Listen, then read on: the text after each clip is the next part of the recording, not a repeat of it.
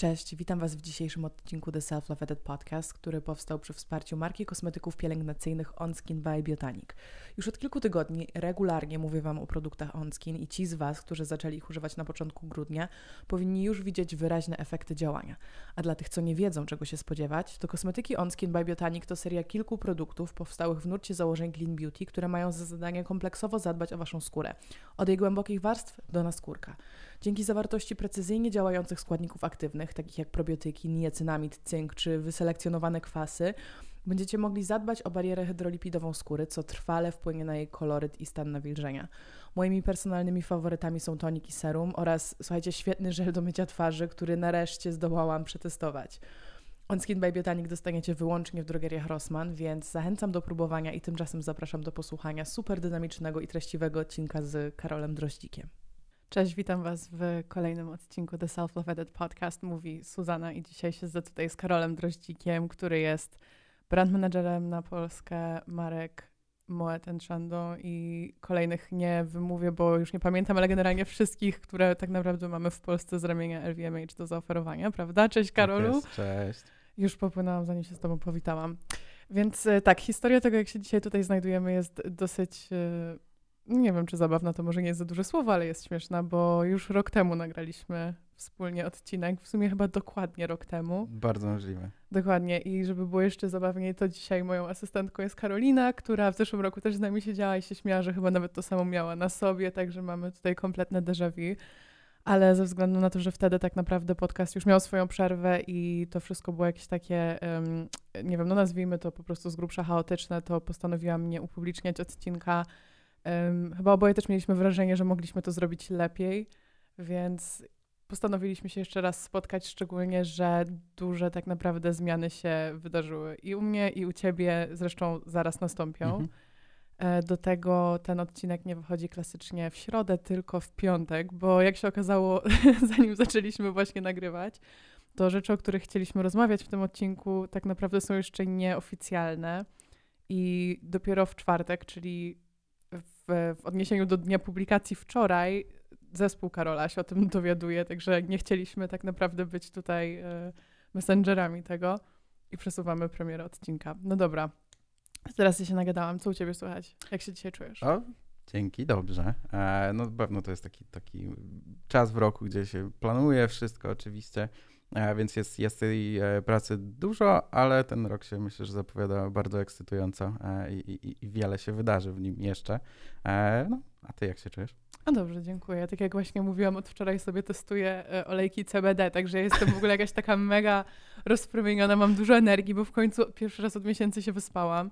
I dobrze, bo w ogóle, tak jak też zanim zaczęłam rozmawiać, mówiłam, że jestem trochę teraz stremowana to ja w sumie przed każdym odcinkiem trochę tak mam, a szczególnie właśnie wiedząc, że już w zeszłym roku ten odcinek nagraliśmy i po prostu mam takie parcie, że chciałabym jak najwięcej, wiesz, przekazać. Także nie, no jestem, Pewnie. cieszę się. Ja dzisiaj nie jestem do końca wyspany. Wyślę ci olejek. E, przez, nie, dzięki, ale e, przez Igę Świątek. Albo dzięki Idze Świątek, bo mecz był bardzo dobry, dobrze się skończył. No a dział się od drugiej do trzeciej z kawałkiem. A to jest Więc... w ogóle commitment, że o tej godzinie w nocy siedzisz i oglądasz? Muszę. Nie, nie, nie, ale bardzo chętnie. Ale jakoś się to udało pogodzić z drzemką popołudniowo-wieczorną, więc było okej. Okay. Okej, okay, więc um, tak jakbym w sumie może zaczynając trochę od tyłu w tym, co, co mam sobie tutaj zapisane o naszej rozmowie. Wiem, że będzie się u ciebie niedługo dużo zmieniało. Jak mi napisałeś, w ogóle dzięki, że do mnie napisałeś i że chciałeś jeszcze raz sam z siebie powtórzyć tę rozmowę jak mi napisałeś, że jesteś tylko do końca marca w Warszawie, to ja nie zapytałam od razu, dlaczego wyjeżdżasz. Jakoś tak po prostu byłam taka, dobra, nagrywajmy. No i wczoraj dopiero zapytałam.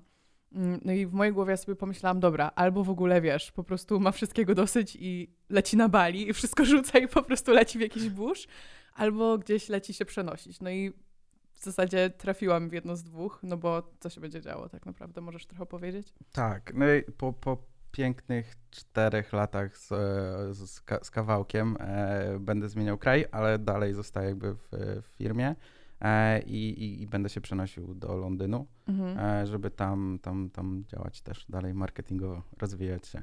Więc e, no to zadzieje się w marcu. Gratuluję. Dziękuję. I to jest właśnie tym ogłoszeniem, które, którego nie moglibyśmy dodać w środę. Tak Chociaż ja już tutaj nie dałam propozycji, że możecie ten odcinek wrzucić do jakiegoś wewnętrznego newslettera, tak. nabić odsłuchaj, zapraszam. No dobra, a tak w takim razie zupełnie od początku, jakbyś mógł opowiedzieć o tym, no, kim jesteś, czym się mhm. zajmujesz, no bo wspomniałam o Moecie, więc mhm. myślę, że każdy markę zna, ale jaka jest twoja rola związana z tą marką? Okej, okay. to teraz obecnie jestem brand managerem naszych wszystkich marek szampańskich w portfolio. E, oczywiście główną z nich jest e, Moët Chandon i, i, i, to jest też moje główne zadanie, e, żeby, żeby tę markę rozwijać. E, no, zaczynałem pracę w sumie z 4 lata temu już. Czyli 2018? Tak, 2 stycznia, wprost z, z Sylwestra. E, tak, to, tak to było. Pasuje. E, a jak? Sezon, sezon szampański z jednego na drugie miejsce.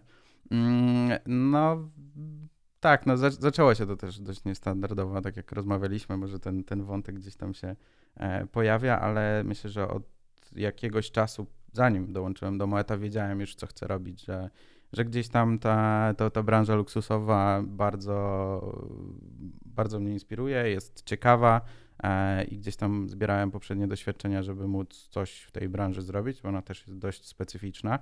E, no i faktycznie jakby gdzieś tam udało mi się e, do, do tej pracy dostać. No i tam tak mija te 4 lata na, na, na różnego rodzaju działaniach które, które gdzieś tam ciągle się zmieniają. Te, te marki są o tyle ciekawe, że zawsze adaptują się do tego, co się dzieje e, w, w popkulturze. E, no i ogólnie jakby są bardzo zmienne w czasie, tak bym mhm. powiedział, bo jak sobie zastanowimy się nad tym, że we Francji w XIX wieku pito Moeta, no to on zupełnie inaczej wyglądał niż teraz, a to jest dalej ta sama marka, która się e, bardzo, bardzo zmienia i adaptuje do zmian. Wiesz co, ostatnio oglądałam um, taki serial na HBO, nazywa się Wielka z Dakotą Fanning e, i to jest o carycy Katarzynie Wielkiej. To znaczy, to, to, nie jest oczywiście z prawdą, to za dużo nie ma wspólnego, bo to jest serial fikcyjny, ale właśnie był taki wątek chyba, znaczy taki moment w drugim sezonie, jak e, jej mąż, cesarz, car, car, historia, wyciąga butelkę Dom Perignon, którą sprowadził z Francji, że to jest jakaś w ogóle wielka mhm. nowość. I tak sobie patrzę na tą butelkę i się zaczęłam do siebie śmiać i tak zastanawiałam się i może ty mi możesz odpowiedzieć na to pytanie. Mhm. Tak jakby, czy te szampany wtedy smakowały tak samo? Mm, zupełnie inaczej. W sensie nie wiem jak Dom Perignon, ale na pewno tam to też jest odzwierciedlone. E, te szampany były dużo bardziej słodkie niż obecnie. Jakby to były też takie czasy, powiedzmy XVIII, XIX wiek na pewno, gdzie te szampany były bardzo słodkimi winami. E, i dzisiejsze szampany, które określamy jako słodkie, e, są niewspółmiernie słodkie, dużo mniej e, w tym, w tym sensie niż, niż wtedy. No, były tak naprawdę dwa style szampanów w tamtych czasach, rosyjski, czyli słodki, bardzo słodki. do dzisiaj mamy. niestety. I tam, i tam, tam wina potrafiły mieć dozaż na poziomie 200 gram cukru na litr czyli szklanka cukru, mhm, powiedzmy, tak. Na, na litr wina, więc to były bardzo słodkie wina. No i drugim stylem był Dry England, e, czyli trochę mniej słodkie, e, niemniej jednak w porównaniu do dzisiejszych, no dalej bardzo słodkie wina, mhm. e, minimum 50 gram. E, dzisiaj mamy szampany tak naprawdę głównie wytrawne, czyli tak do 12 gram e, na litr, więc no różnica jest ogromna. Podejrzewam, że tam też był, był, była taka różnica z, z no, tym domowerieniem. To rozumiem, że to jest po prostu jakby różnica w recepturach, tak? Na jakby w przepisach na to, jak tworzyć dane wino, no bo mhm. to, co teraz powiedziałeś, to mnie w sumie zaskoczyło, no bo pomyślałam, że jeżeli mamy powiedzmy jakiś tam flagowy szampan, na przykład klasyczny Moet, no to mhm pomyślałabym, że ta receptura przez te wszystkie lata miałaby być taka sama. Czy myślisz, że możemy się spodziewać, że nie wiem, za 200 lat ona też będzie się różnić od tej teraz? Myślę, że na pewno. Jakby te, te zmiany pewnie są ciężko dla nas teraz do wychwycenia, mhm. ale jakby zawsze szampany jak powstają, jakby są interpretacją szefa piwnic, czyli osoby, która okay. ma pod sobą zespół e, i oni tworzą. I faktycznie jakby w takim krótszym okresie, jak sobie, jak sobie popatrzymy na, e, na, na smak danego szampana, on powinien smakować tak samo. Jakby co do zasady, nierocznikowe szampany danego domu powinny smakować na takiej zasadzie, że w 2006 roku w Miami, w 2020 w Warszawie one powinny smakować tak samo. E, i, i, to jest ta krótsza perspektywa, no ale oczywiście gdzieś te szampany też podążają z, ze zmianami i na przykład ludzie zaczęli pić coraz bardziej wytrawne wina, no i ta zmiana jest tu diametralna z tych bardzo, bardzo słodkich szampanów do e, mocno wytrawnych. Cieszy jakby, mnie to osobiście. No, jakby te, te, te zmiany są jak najbardziej za, zauważalne, ale to, to też jakby sama, wynika trochę to też z możliwości, które jakby szampany czy, czy, czy szampania stwarza, bo tak naprawdę to dopiero tym ostatnim krokiem, gdy już mamy tak naprawdę gotowe wino, my dodajemy cukier do środka, mhm. e, do wina i jakby tym jednym z ostatnich etapów w ogóle produkcji szampana jest e, jakby nadanie mu jakby nominalnej słodyczy, czy, czy, czy tego likieru de dosage, jak, jak, jak to się nazywa. E, więc to dopiero na tym jednym z ostatnich etapów jakby determinuje się, czy szampan jest słodki, półsłodki, wytrawny, e, więc, więc to, to, to jest taka, taka duża zmiana, więc no podejrzewam, że wracając do, do wątku z serialem, no ten Dom Perignon pewnie był słodszy, a na pewno słodszy niż, e, niż teraz jest. Ale w ogóle fajnie, bo nie pomyślałam wtedy, że będę się z tobą widzieć, więc nie pomyślałam, że dostanę odpowiedź na swoje pytanie a. i dziękuję za to, bo Proszę. to było bardzo interesujące. No i wracając w sumie do tego, skąd to się wzięło teraz, to moje pytanie, czyli powiedziałeś, że y, wiedziałeś zawsze, że chcesz pracować w tym segmencie dóbr luksusowych. Trochę na tym bym się chciała zatrzymać, ponieważ um, personalnie też kiedyś miałam takie, y, znaczy takie myśli, że właśnie to jest to, czym bym się chciała zajmować. U mnie to trochę ewaluowało gdzieś tam jeszcze w coś innego. E, myślę, że za granicą to jest też w ogóle bardzo popularne, że no, nazwijmy to młodzież myśli o tym, żeby pracować w luxury goods. W Polsce to na pewno nie jest jeszcze aż tak popularne, no bo nie było tego, tego dostępu.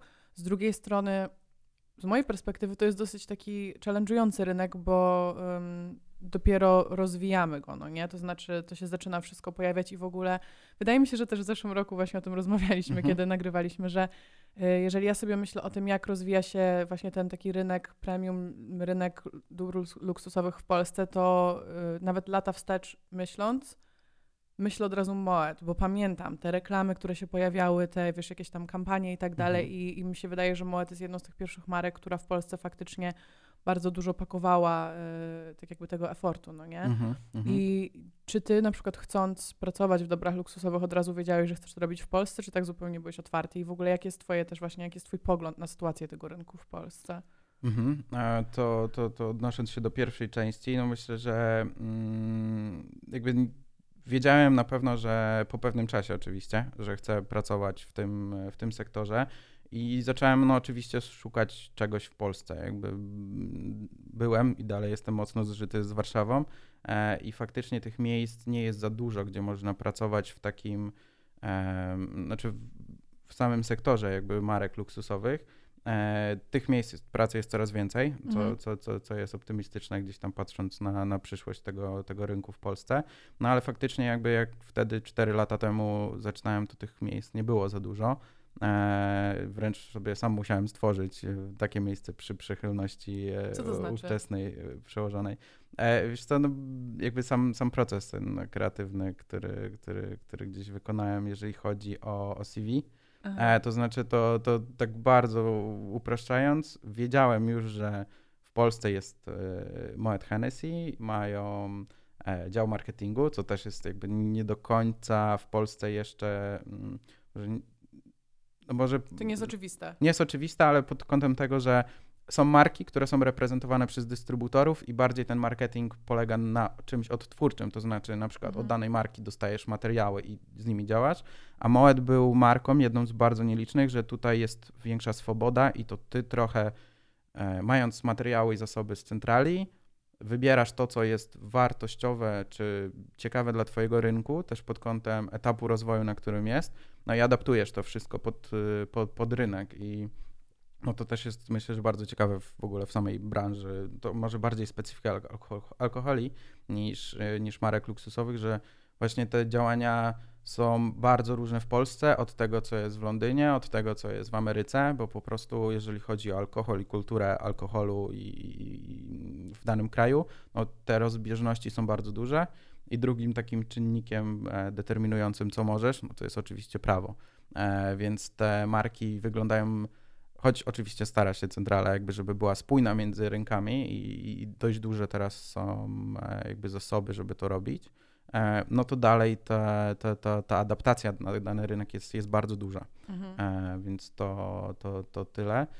E, więc e, zgubiłem na pewno wątek. Rozmawialiśmy e, o tym, e, jakby o, o, o, chęci pracy właśnie z dobrami luksusowymi i ja się zapytałam, czy od razu jakby czułeś, że to jest też coś, co chcesz robić w mm -hmm, Polsce, mm -hmm. no bo właśnie zresztą tam, sam to teraz powiedziałeś, no będzie ogromna różnica między tym, jak wygląda na przykład dane dobro luksusowe, dana firma w takim Londynie, gdzie masz zupełnie inną demografię, zupełnie inną historię korzystania i konsumowania tych dóbr, a zupełnie inaczej jest w Polsce. W Polsce mimo wszystko -hmm. myślę, że Dużo jest pracy nad w ogóle wprowadzeniem tego, adaptacją danej też jakby niszy demograficznej do konsumowania tego. Dobra, to się -hmm. robi bardzo mhm. specyficzne, tak, ale tak, właśnie... tak. Bo to już sobie przypomniałem, bo y, zapytałaś do, konkretniej, czy w, w Polsce, e, od razu w Polsce, jakby, -hmm. czy, czy, czy chciałem od razu to robić w Polsce.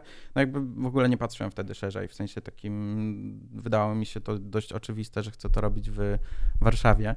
E, i, i, i, gdzieś tam szukałem. E, no teraz oczywiście sytuacja, że gdzieś tam otwiera o, o, tę możliwość zrobienia, o tę możliwość zrobienia kroku do Londynu, e, ale wcześniej jakby ten, ten proces, do którego doszedłem, myślę, że, że, że sam w sobie jest ciekawy i myślę, że nie zawsze mamy takie spojrzenie na nasze mniejsze decyzje, które prowadzą nas do czegoś dalej. I u mnie to było tak, że przede wszystkim mam dwójkę rodziców związanych z medycyną, więc pierwsza ważna decyzja dziecka, medyków to jest, czy idziesz tą ścieżką, czy nie idziesz. E, Wait, byłeś na biochemię? E, nie, nie, nie, nie, zdążyłem być. Congratulations. E, więc u mnie to gdzieś jeszcze w, w, gimnazjum była taka decyzja, że to nie do końca jest to, co chcę robić. E, no ale też jakoś y, jakby mam na tyle otwartych rodziców i też mam wrażenie, że pokazałem im, że mi zależy i to nie jest decyzja, czy jestem ambitny, czy jestem leniwy i gdzieś tam pokazałem w jakichś innych działaniach, że, że mi zależy na tym, co będę robił w przyszłości. Więc to była na pewno pierwsza taka większa, ważna decyzja. Ale poczekaj, poczekaj. Czy jakby pamiętasz e, na etapie właśnie chociażby tego gimnazjum, bo podoba mi się to, co powiedziałeś, że to nie była decyzja między tym, czy jestem ambitny, czy jestem leniwy.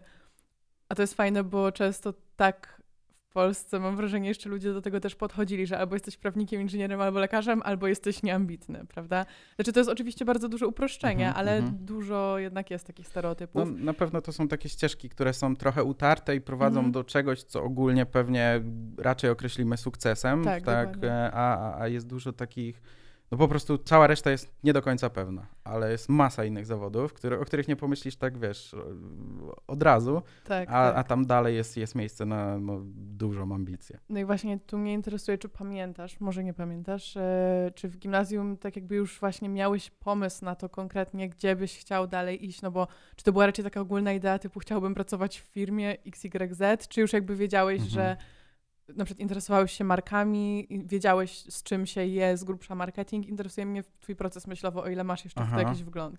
Wiesz, co tak stricte branżowo to chyba nie. Na pewno gdzieś tam interesowałem się różnymi markami i pewnie miałem swoje ulubione w tamtym czasie, mm, ale, ale dla mnie gdzieś ważniejsze było na tym etapie to, żeby się rozwijać i faktycznie miałem ku temu jakieś możliwości pracy w jakichś NGO-sach, y, projektach unijnych, Młodzieżowej Radzie Miasta, jakieś takie były przestrzenie, w których mogłem się rozwijać, czułem, że się rozwijam i gdzie to mnie zaprowadzi, nie wiem, ale gdzieś ten wachlarz umiejętności miękkich już tam się rozwijał i jakby wiedziałem, że to chcę robić i też na pewno wiedziałem, że chcę pracować z ludźmi.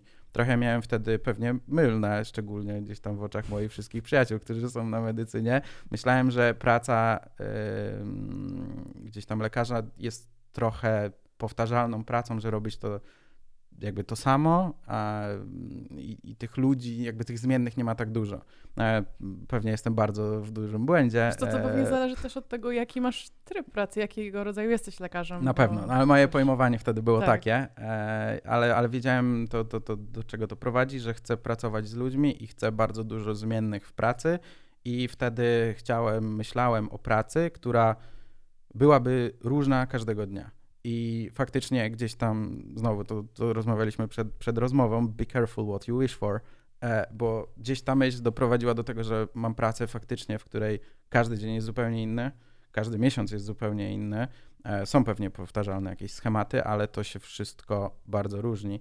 E, I, i, I dopiero gdzieś to była moją taką pozycją wyjściową, zacząłem się zastanawiać, gdzie te wszystkie rzeczy, których się nauczyłem, wtedy wydawało mi się, że dużo, bardzo dużo wiem, a, a, a tak pewnie nie było. Mm, e, zastanawiałem się, gdzie to spożytkować. W sensie, co mnie tak interesuje, żeby, żeby, żeby gdzieś tam w przyszłości działać w danej branży czy sektorze. I e, dla mnie gdzieś tam takim pierwszym krokiem była moda. E, dość szybko udało mi się gdzieś powiedzmy zrobić ten krok w przód. E, działałem z Sylwią Majdan, czyli szczecińską projektantką. Jestem ze Szczecina, mhm. oczywiście bardzo chętnie o tym mówię. I regionalny, regionalny patriota, tak. patriota, lokalny. E, tak. więc, więc tu miałem szansę popracować przez ponad rok jako asystent e, Sylwii. E, i trochę gdzieś tam dowiedzieć się więcej o, o, tym świecie. Też zaczęły się jakieś różne wyjazdy do Warszawy wtedy, e, żeby, nie wiem, zobaczyć jakieś pokazy mody i tak dalej. No i jakby stąd trochę widziałem, że gdzieś to nie jest do końca to. E, I, i dopiero gdzieś stamtąd, po studiach jeszcze w trakcie oczywiście, pojawiło się to zainteresowanie markami luksusowymi. A więc to tak no krok po kroku, nie? Jakby to, to, to gdzieś tam wszystko do czegoś prowadziło i no, jestem gdzie, gdzie jestem. Um, czekaj, myślę, bo, bo e, gdzieś tam też trochę zahaczyliśmy o to, jak zaczęła się twoja przygoda, droga e, z Moetem. No i wydaje mi się, że można po prostu wygooglować twoje imię i nazwisko i sobie nawet to zobaczyć, Ciekawe, co prawda? tam wyskakuje. Wydaje mi się, że tam jest chyba w ogóle filmik na YouTubie o tym twoim CV. Tak, tak, tak, tak, tak. Dużo jakichś wystąpień w mediach, no bo swego czasu miałeś jakby dużo takich jakichś, nie wiem, czy to było chyba tak. Dzień Dobry TVN, czy Było, było też można sobie tam zorganizować. Tak, tak, tak. No. Dokładnie, więc widzicie ludzie, to jest jakby siła bycia kreatywnym i zrobienia czegoś niestandardowo, potem telewizja o tobie trąbi przez kilka lat. No ale to było fajne, no bo, bo co, tak naprawdę nie znalazłeś rozpisanego, um, rozpisanego ogłoszenia o pracę, a poczułeś, mhm. że chcesz spróbować swoich sił w Moecie, tak? Tak, tak, tak, I tak. wysłałeś bardzo, e, nie wiem jak to nazwać, nawet nie, że, no tak, spersonalizowane w pewnym sensie no, na, na, pewno coś, coś, coś większego niż mail, słuchajcie, chcę pracować u was, to jest moje CV, e, bo, bo wiedziałem, że jakby jedyny, jedyną szansą, żeby zainteresować firmę w takim stopniu, żebym w ogóle został zaproszony na jakąkolwiek rozmowę, no było zrobienie czegoś kreatywnego i, i jakby tu znowu krok po kroku do czegoś dochodziłem e, i, i wymyśliłem, że jakby może tak, spojrzałem z perspektywy pracodawcy, co czego jakby by oczekiwano ode mnie jako, jako stażysty, to na pewno gdzieś tam zrozumienia marek, co doprowadziło do tego, że tam napisałem krótką książkę, jak rozumiem te marki, co bym z nimi zrobił, jakie są, nie wiem, ich charakterystyczne cechy, które ja widzę e, po prostu z działań marketingowych. E, więc to była jedna część. Oczywiście gdzieś tam listy motywacyjne, poprzednie mhm. doświadczenia bardzo ważne. E, gdzieś taki na pewno dołączałem list motywacyjny zrolowany w butelce po moecie, który gdzieś tam no, oczywiście motyw takiej butelki z listem jest nam znany, więc trochę go przearanżowałem i e, i to, to była następna część aplikacji. Wszystko to zapakowałem w drewnianą skrzynkę i faktycznie zaniosłem na, na biurko do, do, do, do firmy. E, no i później tam były jeszcze ze dwie rozmowy po drodze, trzy w sumie. E, na początku był też taki problem, że oczywiście zaraz planowałem wymianę studencką w Szwajcarii, więc dopiero po zakończonej e, jakby wymianie mogłem dołączyć do, do, firmy. do firmy. No mhm. ale to też w tym wątku jest właśnie jakby to cała kreatywna warstwa, ale też, też ta druga część, to znaczy samo nastawienie firmy, jakby bo tam się tak dobrze złożyło. E, to oczywiście jest przychylność po prostu danych osób i ówczesna przełożona Asia jakby też trochę wystarała się o to stanowisko, bo to też w firmach nie jest takie oczywiste i łatwe.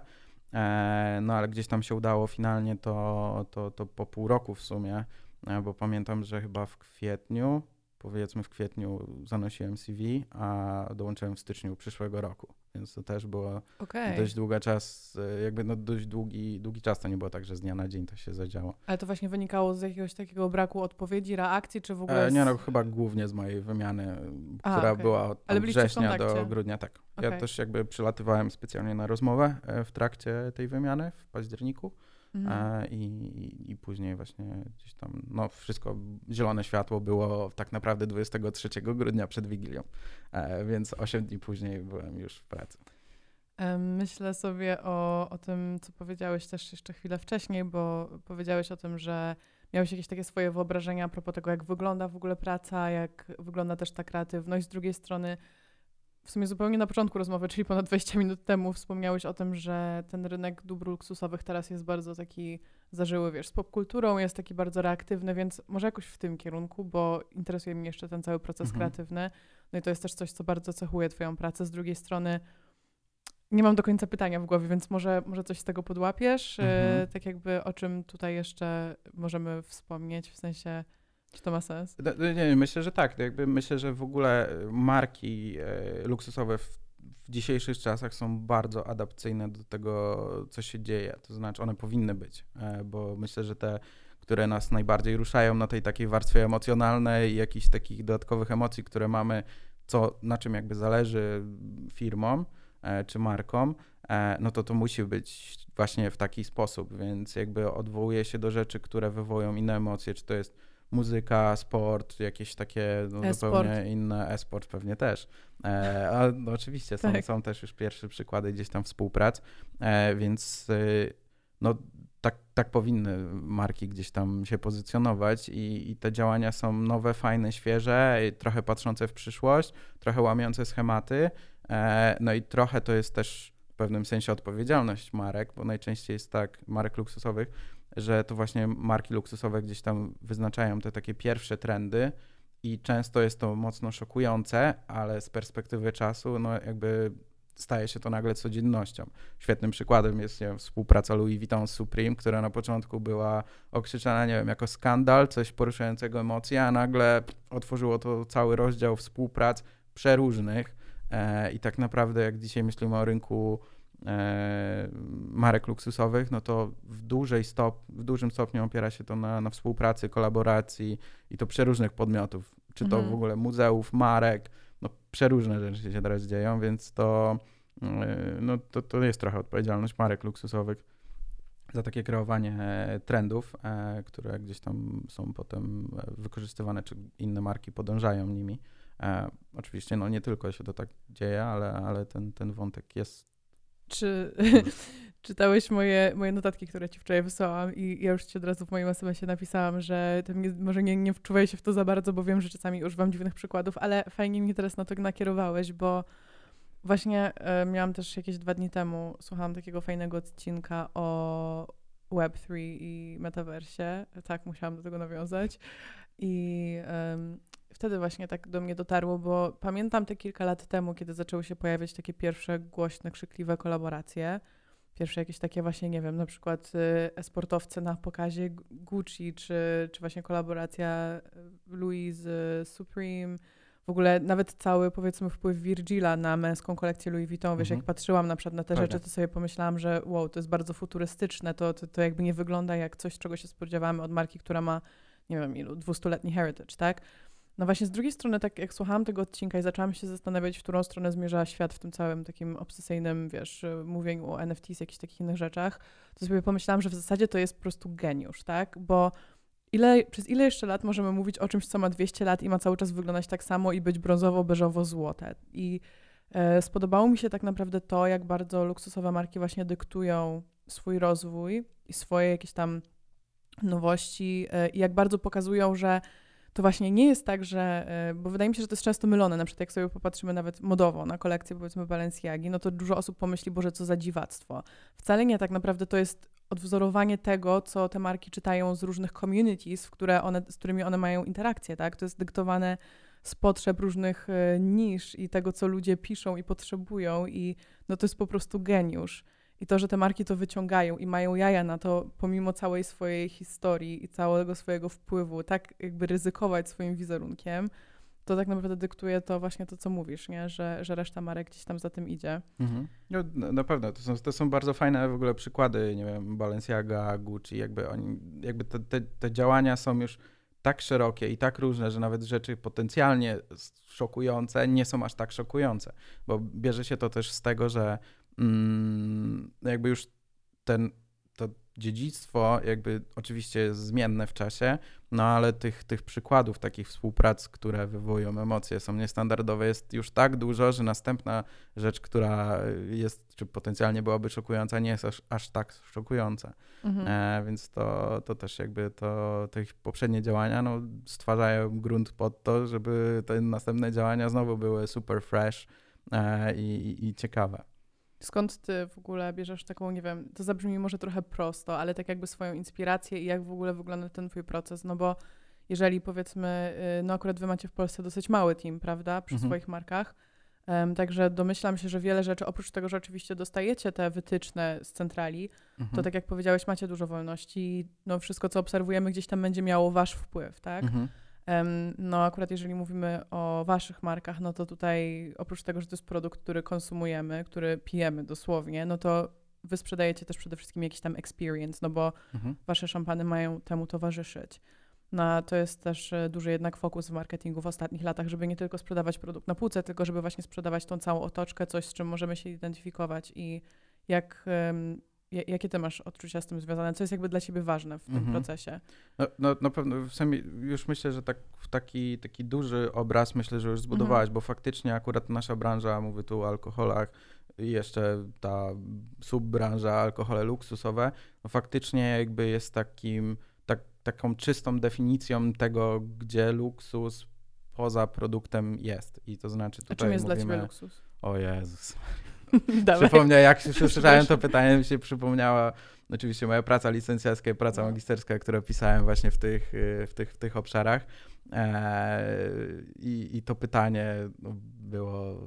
Czym jest luksus? No to tak. Z łacińskiego luxuria, czyli tam światło, to jedna definicja. A to nawet nie wiedziałam. To są, no, prze, przeróżne są tam e, jakby mm, genezy, czy jakby no definicję, to jest jedno, potem jest druga. Ale ja pytam e, ciebie. No wiem, ale, Karol, ja, ale ja nie, nie wiem dla mnie. Dla mnie na pewno e, patrzę na to pojęcie dość szeroko i potrafię powiedzieć sobie, że wolna sobota w górach jest dla mnie luksusem. Na mhm. przykład w sensie wolna sobota. Zabrzmiało to, jakbym pracował w sobotę. Dobra, wolny piątek w górach to, to, to, to jest. Poczekaj, to. czy ty właśnie próbujesz nie gloryfikować pracoholizmu? E, nie, no, balans. Rozmawialiśmy o tym. E, ale też y, no jakby rozumiem to, że pewne produkty czy rzeczy kosztują tyle, ile kosztują, bo one są luksusem. E, i, i gdzieś to wywodzi się, nie wiem, ze świetnej jakości produktów, e, dziedzictwa marki, jakby przeróżnych takich kategorii, w których możemy myśleć o, o produkcie luksusowym, więc dla mnie no, postrzegam to hasło, myślę, że wielowątkowo. Mhm. i no nie wiem, myślę, że, że, że tak to się we mnie zbudowało, że, że nie mam na pewno takiego e, pojęcia, że, znaczy pojęcia, spojrzenia, że jakby luksus dla mnie to tylko produkty. Jakby to, to zupełnie, zupełnie nie to. Tego też bym się nie spodziewała. No ale właśnie, dobra, to, to pod, podłapując dalej ten, ten nurt rozmowy, przechodząc bardziej w taką może personalną sferę, bo ja myślę, że dużo w ogóle wiedzy już tutaj wpakowaliśmy w te pół godziny to um, sprawiasz na mnie wrażenie, zresztą to też było w moich notatkach, takiej bardzo zdeterminowanej osoby i takiej, wiesz, bardzo, y, y, nawet szukam tego, ale nieważne. W każdym razie, no właśnie sprawiasz na mnie wrażenie takiej bardzo zdeterminowanej osoby, bardzo przykładającej się do swojej pracy. Mam wrażenie, że u ciebie ta praca bardzo zresztą też przenika taką twoją prywatną sferę, bo jakby widzę też, jak na przykład ze swoimi znajomymi celebrujesz produkty, nad którymi ty pracujesz, E, jak e, tak jakby no, znajdujesz też dla waszych marek e, takie zastosowanie w nie swoich prywatnych sferach życia, ale w ogóle w takich jakby codzien, codzienności innych ludzi. No nie? Więc tak naprawdę jest, widzę, że ta praca towarzyszy tobie cały czas. Zresztą też zapraszam ciebie prywatnie na podcast jako Karol, Karola, a nie jako przedstawiciela Moeta, a tak naprawdę pół godziny teraz o tym rozmawiamy, no nie? I gdzie właśnie dla ciebie jest ten balans? No wspomniałeś o, o górach, z drugiej strony tak jakby jak, jak ty to widzisz i, i jak, um, jak, jak to rozgraniczasz w pewnym sensie? Mhm. Hmm, e, Słyszałam, że to zależy od miesiąca, tak? E, tak, no, to, to jeżeli chodzi o, o, tak, o jakby nakłady pracy i tyle, ile faktycznie gdzieś tam pracujemy, no to jasne, szampany są super sezonowym produktem i gdzieś ta e, końcówka roku, no oczywiście naturalnie dla nas jest bardzo, bardzo jakby zajętym czasem. E, z, drugiej strony początek roku też, no ale to pewnie wszyscy znowu plany na cały przyszły rok i tak dalej. Pewnie jeszcze jeden pik się w środku e, lata gdzieś tam zdarza, gdzie pracujemy symultanicznie nad końcówką roku, przyszłym rokiem w, w takim szerszym ujęciu strategicznym. To są takie, takie momenty. No ale myślę, że tak na co dzień to yy, myślę, że mam to po tacie, taką duszę, może nie kolekcjonera, ale mam dużo rzeczy, które gdzieś tam wywołują we mnie emocje, są taką moją zajawką i jakby Mhm. one trochę są przechodnie. E, bo, Zajawkowicz. Zajawkowicz, ale Okej. w takim, nie wiem jak to dobrze, no trochę taki zajak- zajawkowicz, kolekcjoner, no nie wiem czy to jest dobre określenie, ale, ale faktycznie gdzieś tam mam takie obszary, które jakby o które dbam, w których się staram rozwijać i to w sumie w bardzo długim czasie. Nie wiem, sztuka, ostatnio właśnie góry wcześniej wspomniane, gdzieś tam powiedzmy od roku, e, muzyka, winyle, jakieś takich no, dużo rzeczy, które mi towarzyszą e, i które gdzieś tam sprawiają, że no nie wiem, jest mi kolorowiej żyć powiedzmy. E, i, i bardzo to lubię, też e, no, staram się być dość zajętym, e, co wychodzi oczywiście naturalnie i gdzieś tam no, z przyjaciółmi robimy dużo różnych rzeczy, gdzieś oczywiście sport, więc ten balans myślę, że oczywiście jakby uwielbiam moją pracę, ona jest super ciekawa i faktycznie też przenika na taką sferę bardziej No prywatną. nawet jak teraz o sztuce powiedziałeś, no jakby to wszystko się tak łączy, prawda? No bo to, co jakby się dowiadujesz w swoim życiu w cudzysłowie prywatnym i to, co, to, co widzisz, to co, to, co akurat robisz, może zainspirować zaraz twoją pracę i ta praca może Mhm. przeniknąć w tą sferę, no Mhm. nie? No, pewnie. E, Więc to, to, to są jakby takie rzeczy, które gdzieś tam poza pracą staram się rozwijać i myślę, że, że już sam fakt tego, że nie żyję tylko pracą, bo znowu mówiąc pięknym patosem, życie to nie praca, praca to nie życie, e, Nie tylko. znam tego powiedzenia. E, e, więc, więc tutaj poza, poza właśnie tą sferą zawodową, jakby mam też dużo rzeczy, które, które mnie ciekawią e, i w których to, to robię tak, nie wiem, prawdziwie, w sensie Mhm. mogę nawiązać do, do sztuki, Tak. że w sumie wszędzie, gdzie jestem w podróży, w innych miastach, to, to gdzieś moim pierwszym w ogóle punktem, nawet przed restauracjami, e, będzie Muzeum Sztuki Współczesnej samo. slash Nowoczesnej, e, więc, więc no, to, to są rzeczy.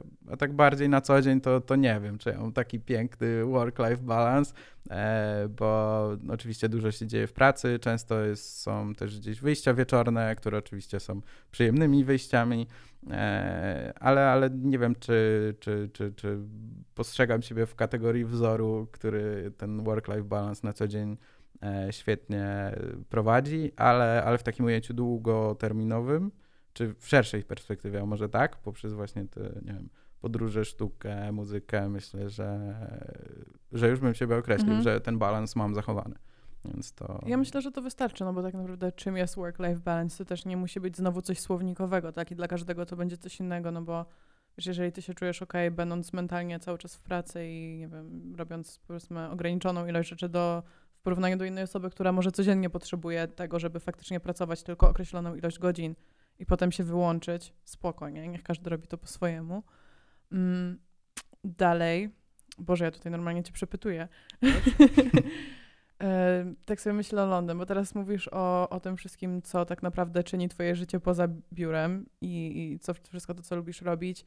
Jesteś, e, myślę, że dosyć taką prominentną postacią w Warszawie. Jakby dużo, jakby myślę, osób cię zna i też dużo, ty znasz dużo osób, no nie? I przeprowadzasz się. Jak się w ogóle z tym czujesz? Zmiana miasta, zmiana kraju. Z drugiej strony też na takie miasto, które y, Londyn jest absorbujące, nie? Londyn to nie jest takie randomowe miasto, że będziesz tam siedział i wieczorem siedział na FaceTime ze swoimi wszystkimi tutaj ludźmi, Mhm. bo Londyn sam ci jakby zabierze bardzo dużo czasu, Mhm. więc jakie, jak się z tym czujesz? Jakie są twoje przemyślenia? Wpuść nas do głowy. Okej, no na pewno jakby to jest taki, taki moment, może nie do końca trudny, ale taki, no już raz go myślę, że przeżywałem jakby przed moją wymianą studencką do Szwajcarii, gdzie w sumie masz wrażenie, że dużo umiesz, dużo wiesz, jakby czujesz się ok w miejscu, w którym jesteś, jesteś w takim swoim e, comfort zone e, i nagle jakby jest przed tobą perspektywa zupełnej zmiany. E, I, I cieszę się, że już raz to przeżyłem, bo wiem, z czym to się w miarę je. To znaczy, lądujesz nagle w innym kraju, gdzie nie wiesz, jakby nie czujesz się tak swobodnie,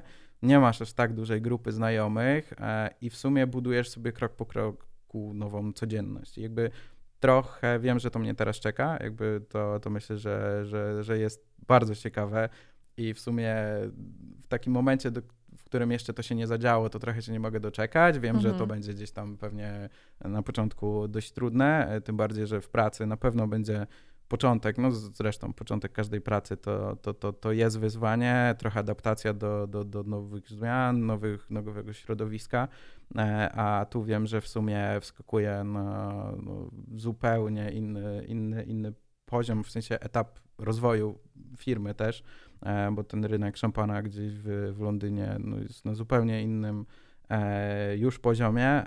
My jako Polska oczywiście się gdzieś tam rozwijamy, no ale tam po prostu to było zawsze, e, więc, więc e, to ta, ta różnica. No na pewno e, wiem, że będzie mi brakowało moich przyjaciół, znajomych, gdzieś, gdzieś tego, co mogę robić tu, bo, bo, bo tak naprawdę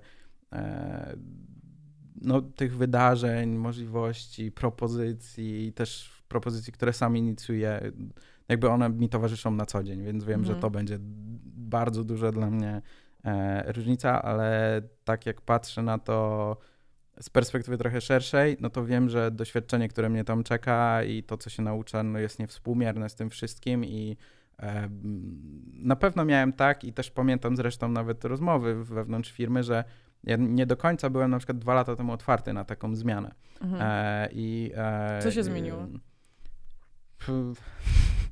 No na pewno to, że nie mam aż tak dużych zobowiązań w tym, w tym, w tym momencie. E, no trochę innych rzeczy też się zmieniło, ale, ale, ale na pewno też trochę samo pers sama perspektywa i spojrzenie e, na, na, na pewne kwestie to się na pewno zmieniło. W sensie tak myślę, że jestem bardziej otwarty. No i też, też, też sytuacja tego, że jeszcze jestem względnie młody i jeżeli... My jesteśmy w tym, w tym samym wieku, prawda? To jest 9-7. 6. A, to. A widzisz? No to już mam, jest, jest rok różnicy. Stary Dobra. jesteś strasznie. E, bardzo. E, ale, ale że to jest prawdopodobnie dobry czas na, na coś takiego. E, też trochę gdzieś tam patrzę na, nie wiem, przykład mojego taty, który gdzieś sobie też popodróżował jeszcze z dwa miejsca, zanim gdzieś tam się e, osiedlili z powrotem w Polsce. Więc e, myślę, że to jest dobry czas na to.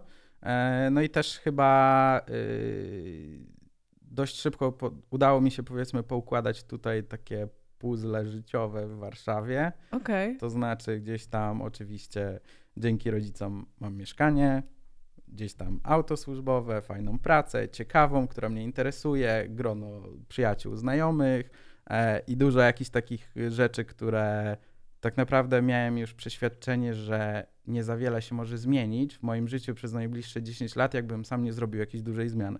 W sensie ten... To jest mocne, ten, ten, teraz powiedziałeś. Ten, ten, to jakby to poczucie komfortu u mnie od ostatnich dwóch lat było, wiesz, no, mentalnie, może poprzez jakieś różne rzeczy, które robię nie do końca, ale no czułem się jako 30-latek, w sensie mhm. powiedzmy, że Rozumiem. do tego dąży się in your 30s, no nie? Mhm. Jakby, że no to już jest takie ustatkowanie, spokój, cisza, nic się nie ruszy, jesteś na, przyzwyczajony do pewnych rzeczy. E, to na pewno też we mnie dojrzewało jakąś chwilę dłuższą i myślę, że też wiem, że właśnie mając już taką propozycję e, właśnie gdzieś tam awansu międzynarodowego, e, trochę łatwiej mi to przyszło e, w, w takiej no, szerszej perspektywie i, i, i, tak jak właśnie teraz patrzę na tą sytuację, no to z jednej strony jasne to wszystko i też pamiętam nie jedną, nie dwie rozmowy, tu odnoszę się, nie wiem, do jakichś innych podcastów, wywiadów, że faktycznie ludzie robią takie rzeczy, żeby się czegoś nauczyć, wyjść ze swojej strefy komfortu. E, I wiem, że jakby porzucam dużo i komfort życia Warszawa versus Londyn na pewno będzie diametralnie różny. Właśnie się zastanawiam, czy to będzie dla ciebie aż taka duża różnica, bo znaczy rozmawialiśmy troszeczkę o tym, zanim zaczęliśmy nagrywać, że no jest ogromna różnica między tym, na ile powiedzmy stać nas w Polsce, a na ile stać nas za granicą. E, z drugiej strony pamiętam, miałam taką rozkminę właśnie, jak ja się przeprowadziłam do Londynu na studia, że no z jednej strony w Polsce jasne, było mnie stać na więcej, nawet wtedy, no bo po prostu jest taniej i może w Londynie jeździłam autobusem, a nie autem, no ale z drugiej strony nie miałam wrażenia, jakby taki mój ogólny poziom życia się jakoś mocno zmienił, no bo może miałam farta z tym, że miałam akurat spoko mieszkanie, nie? że mm -hmm, właśnie faktycznie mm -hmm. to nie było jakieś takie tragiczne miejsce, tylko dobrze mi się trafiło w spokocenia, ale tak ogólnie, że tak jakby to, co miasto ma ci do zaoferowania, nawet jeżeli to nie jest jakieś super wyszukane, tak jakby ludzie, ich otwartość, ich różnorodność, te wszystkie wydarzenia właśnie kulturowe, y, galerie sztuki, do których mhm. na przykład ja po prostu jak miałam, nie wiem, gorszy dzień, to sobie szłam do Galerii Narodowej i tam siedziałam przez trzy godziny. Mhm. Już po prostu wszystkim tylko ochroniarzom machałam cześć. Więc to też jest spoko, no bo na przykład w Warszawie mamy ograniczone tego typu opcje, nie? I czy to, znaczy, nie, nie, znaczy w porównaniu do Londynu jest y, mniej, Jasne, jest jasne. Mniej. No, no, nie, że to tutaj ten trade-off jest, jest bardzo tak. duży. W sensie myślę, że, że no, na tej warstwie na pewno myślę, że to tylko jest zmiana na plus. E, jeżeli chodzi o, o powiedzmy to, co ma miasto do zaoferowania. nie wiem, znaczy może nie na plus, zależy dla kogo, nie? Ale tak się zastanawiam, co, co powiedzmy powiesz za kilka miesięcy. Czy faktycznie czujesz dużą różnicę w, w tym poziomie życia?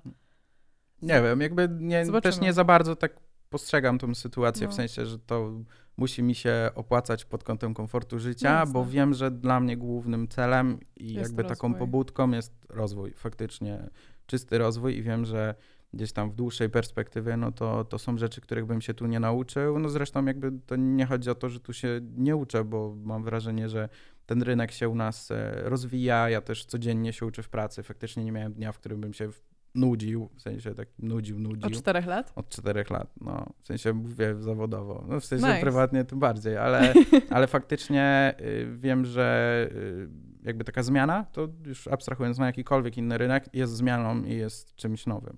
Więc e, to, to, to jest moja główna pobudka, dlaczego, dlaczego to robię. Okej, okay. fair enough. Bardzo brytyjsko. W sumie jest jeszcze tak w miarę początek roku. Masz jakieś postanowienia noworoczne? Ja nigdy nie mam jakichś takich większych. E, znaczy, ten, ten proces zmiany zaczął się u mnie, mówię o, o pracy przed rokiem, więc wiedziałem, że ten rok 2022 będzie rokiem no, dużego kroku, dużej, dużej zmiany. Mhm. E, więc dla mnie ten rok był raczej już e, zaplanowany. W sensie wiedziałem, że wiele więcej większych zmiennych nie będzie niż, niż ta. Więc trochę to, to, to, to no, tak naprawdę nie miałem żadnych większych postanowień. No zobaczymy. Okej. Okay. W ogóle tak przypomniało mi się właśnie i wiem, że to już jest któryś raz, tak mówiąc do słuchaczy teraz, że po raz kolejny w odcinku o tym po prostu zapominam na początku, ale Założeniem y, ostatnich odcinków, które powstawały w grudniu y, w kolaboracji właśnie z marką OnSkin by Botanic i y, tutaj z marką Sonder The Game, to jest taki startup właśnie z Londynu zresztą. Oni chcą stworzyć taką grę, gdzie sobie zadajesz takie bardzo wnikliwe pytania i możesz przez to poznawać lepiej siebie i, i osobę, z którą grasz. Założenie jest takie, że w każdym odcinku zadaję swojemu gościowi to pytanie, jakieś konkretne, i potem nasi słuchacze też mogą odpowiadać na Instagramie i dostać kosmetyki od OnSkin. Więc ja ci teraz zadam to pytanie. Dobra. Możesz odpowiedzieć od razu, możesz Dobra. odpowiedzieć za, nie wiem, mniej więcej 10 minut, bo nagrywamy już 50. Okay. E, więc tak, pytanie brzmi, czy jest coś, co ostatnio idzie w twoim życiu szczególnie dobrze? Ja myślę, że to jest w ogóle fajne pytanie oh, dla wow. ciebie. O, wow. Ja myślę, że tak od ponad roku myślę, że taki, taki aspekt, który troszeczkę bardziej staram się pielęgnować, a myślę, że też go jakby nigdy jakoś nie zatraciłem, to, to relacje z przyjaciółmi, znajomymi. Myślę, że to mi idzie dobrze. W sensie mm. myślę, że to dzieje się też naturalnie. To nie jest tak, że ja sobie myślę, o Jezu, tam Co zrobić, 20% więcej czasu będzie z, z przyjaciółmi, ale wydaje mi się, że to. I, I też jestem, myślę, że dużo bardziej aktywny, w sensie różnego rodzaju wyjść, nie wiem, tego, co, mm, co chcę, co robię w wolnym czasie. Myślę, że też góry były taką zmienną. Gdzieś tam zacząłem chodzić. Skąd to, się, skąd to się wzięło? To znaczy pewnego dnia po prostu się obudziłeś, nie wiem, śniły ci się góry i byłeś taki, chce się wspinać? E, wiesz co, może to też jakby rozróżnimy, bo więcej też dużo chodziłem w górach, w sensie mm, w czasach, nie wiem, gimnazjum, liceum mhm. i to było takie chodzenie typowo letnie, w sensie w krótkich spodenkach Wędrowanie, i w ogóle. tak jakby. Tak, no, no. jakby, no, no, tak. E, a, ale od roku e, gdzieś tam też mając super ekipę takich bardzo bliskich, e, bliskich, bliskich kolegów, e, no zaczęliśmy robić to w zimę, to jest troszkę co innego e, i zaczynaliśmy sobie krok po kroku, najpierw w Bieszczadach, gdzie, gdzie jest jakby łatwiej, ale trzeba się obyć z nowym sprzętem, bo też chodzenie w zimach e, w górach jest zupełnie różne. E, nie chcę powiedzieć, że bardziej niebezpieczne, ale trzeba być dużo lepiej przygotowanym, wiedzieć troszeczkę więcej, no i też mieć dużo więcej sprzętu, więc to, to, to jest takie zimowe, górskie chodzenie. No więc my sobie to też tak dawkowaliśmy krok po kroku, gdzieś tam zrobiliśmy E, inne szczyty też e, no, mam takie dwie ekipy, z którymi chodzę, powiedzmy. E, no i to, to, to, to, to też chyba trochę spowodowało to, że jestem trochę bardziej otwarty i, i, i gdzieś tam, nie wiem, otwarty no po prostu na jakieś nowe różne rzeczy. Okay. no myślę, że takie dwa aspekty. Spoko, czyli to była w zasadzie twoja odpowiedź na pytanie? no tak. Fajnie. W ogóle masz tak jakby twoja energia i to, jaką, jakie sprawiasz na mnie wrażenie, to właśnie, że jesteś ogólnie bardzo taką zadowoloną osobą. Z życia, z siebie. Mój przyjaciel Kuba mi to ostatnio powiedział. Nie mogłem uwierzyć. Ty, ty, wiesz, Karol, dlaczego ja się z tobą przyjaźnię? Bo ty jesteś taki szczęśliwy. Okej, okay, czyli nie tylko ja mam takie wrażenie.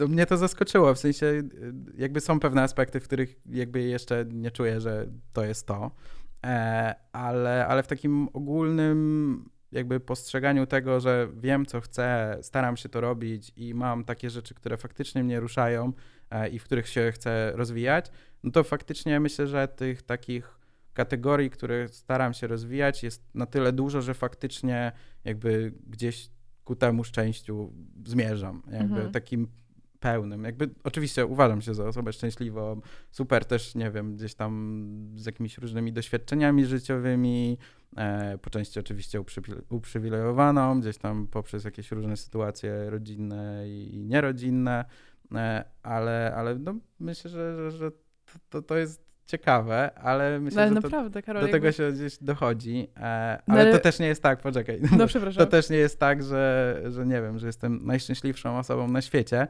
e, ale, ale jakby te, te rzeczy, które robię, no staram się robić w zgodzie ze sobą. E, I myślę, że pewne rzeczy były takie, które gdzieś tam we mnie po prostu narastały przez lata i, i nawet nie zobaczymy, jak coś się zmienia. Nie? Więc myślę, okay. że że, że tak. No. To z tego, w sensie, bo to, co na przykład, ja bardzo prosto zapytam, ale czy ty czasem wątpisz w siebie? No pewnie, że tak. W takich, no. tak że siedzisz, jesteś taki, brakuje ci tej pewności siebie wewnątrz i tak wątpisz w siebie? Jakby w ogóle mhm. naprawdę ty się wydajesz tak, jakby szczęśliwą, pewną siebie osobą, że do mnie to nie dociera, wiesz? Ale to jest dobre, to jest komplement, aha, nie? To aha. nie jest tak jakby podważanie Dzięki. tego, tylko... No, wiesz co, na, na pewno. Jakby jakby wydaje mi się, że takim trochę kluczem w szerszym spojrzeniu na, na, na pewne rzeczy to jest tak, żeby być w, czy żyć i być w zgodzie ze sobą, to jest jedno, wiedzieć w miarę, co się chce i gdzieś tam ku temu dążyć, ale też nie za bardzo oglądać się na inne osoby. Jakby wydaje mi się, że nawet w takiej sferze rozwojowej, jakby ta moja decyzja, że chcę iść w luksus, czy tam, nie wiem, marketing, ale taki dość specyficzny, no wydaje mi się, że była już sama w sobie dość odważną decyzją, no bo to mhm. w Polsce 4 lata temu no było dosłownie kilka miejsc, w których można było to robić na takim poziomie, powiedzmy, który, który byśmy sobie życzyli. E, I no ja pamiętam wtedy, no oczywiście masa moich znajomych już, nie wiem, kończyło fenomenalne uniwersytety na całym świecie, pracowali w top firmach, nie wiem, konsultingowych i przeróżnych, no i jakby oni osiągają sukces w swoich kategoriach, a ty na przykład się z nimi porównujesz, nie wiem, pod kątem tego, że oni mają jakieś inne już nowe doświadczenia, jakiś taki business judgment w ogóle zupełnie inny niż ty, e, powiedzmy, że też są no, jasne różnice gdzieś tam na stopie takiej finansowej, e, więc myślę, że, że dużo ważniejsze jest jakby być w zgodzie sam ze sobą, rozwijać to, co ty chcesz, to, co cię kręci, to, co jest twoją zajawką, e, i chyba się nie za często porównywać, bo to są zupełnie mm, różne tak. rzeczy.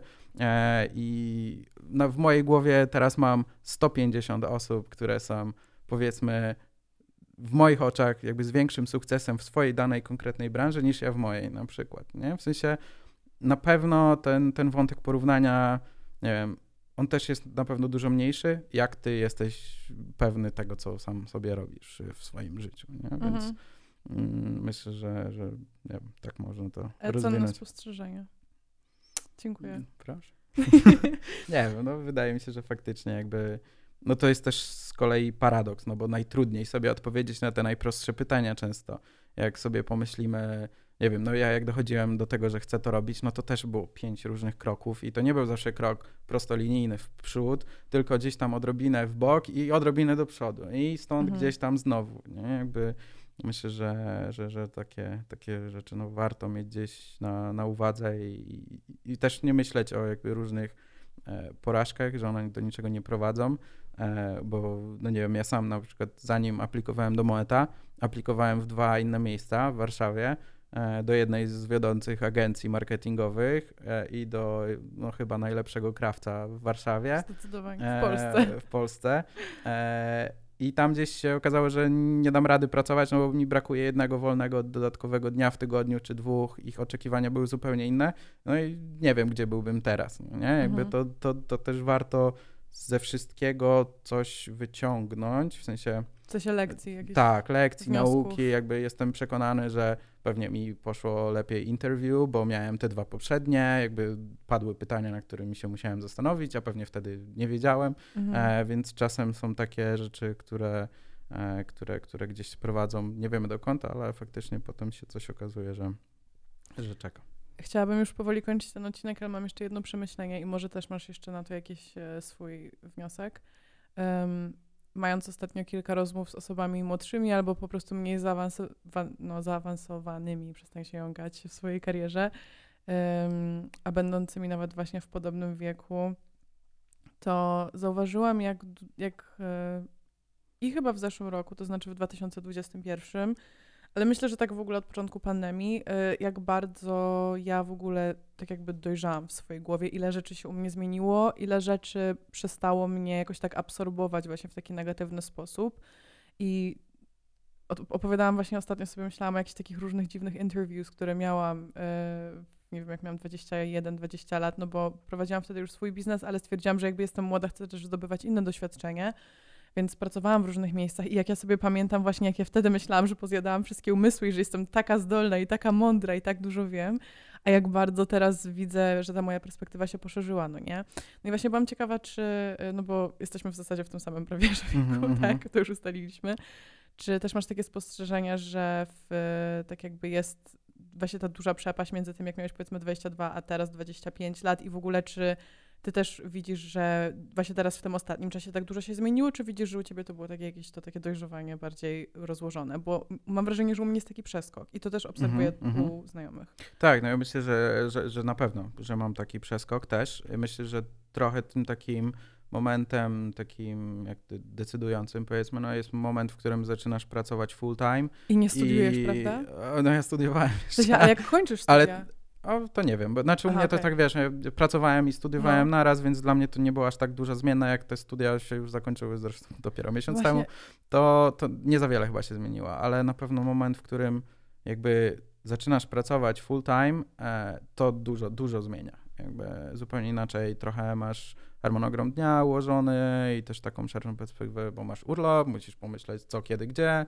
E, no i też same doświadczenia w pracy. Myślę, że to jest kluczowe, w sensie no twój rozwój no diametralnie się zmienia. E, Ja mam takie wrażenie. Ja się też bardzo cieszę, że gdzieś tam nie zaczynałem robić swoich rzeczy na początek. W sensie to są zupełnie różne spojrzenia, bo Mhm. i tu, i tu można się e, czy na swoim, czy nie na swoim Dużo dużo, nauczyć. nauczyć. E, No ale ja sobie niezwykle cenię te doświadczenia ostatnich czterech lat, e, bo myślę, że bardzo dużo się zmieniło. Pewnie nawet w większości nie jestem świadomy, ale widzę, jak patrzę na różne problemy, na różne wyzwania, na planowanie, organizowanie czegoś. Jakby to są rzeczy, które właśnie z czasem się, się uczymy.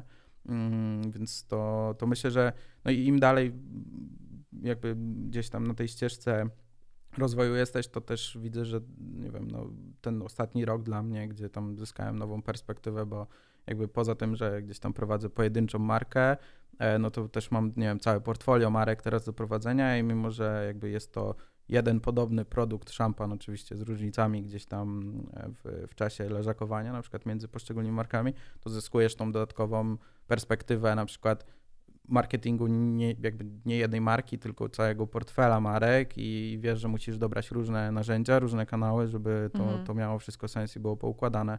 E, I to jest na przykład, nie wiem, coś, czego się dopiero nauczyłem w zeszłym roku, może dwa lata wcześniej, powiedzmy, w, w zupełnie jakby nowym, nowym spojrzeniu.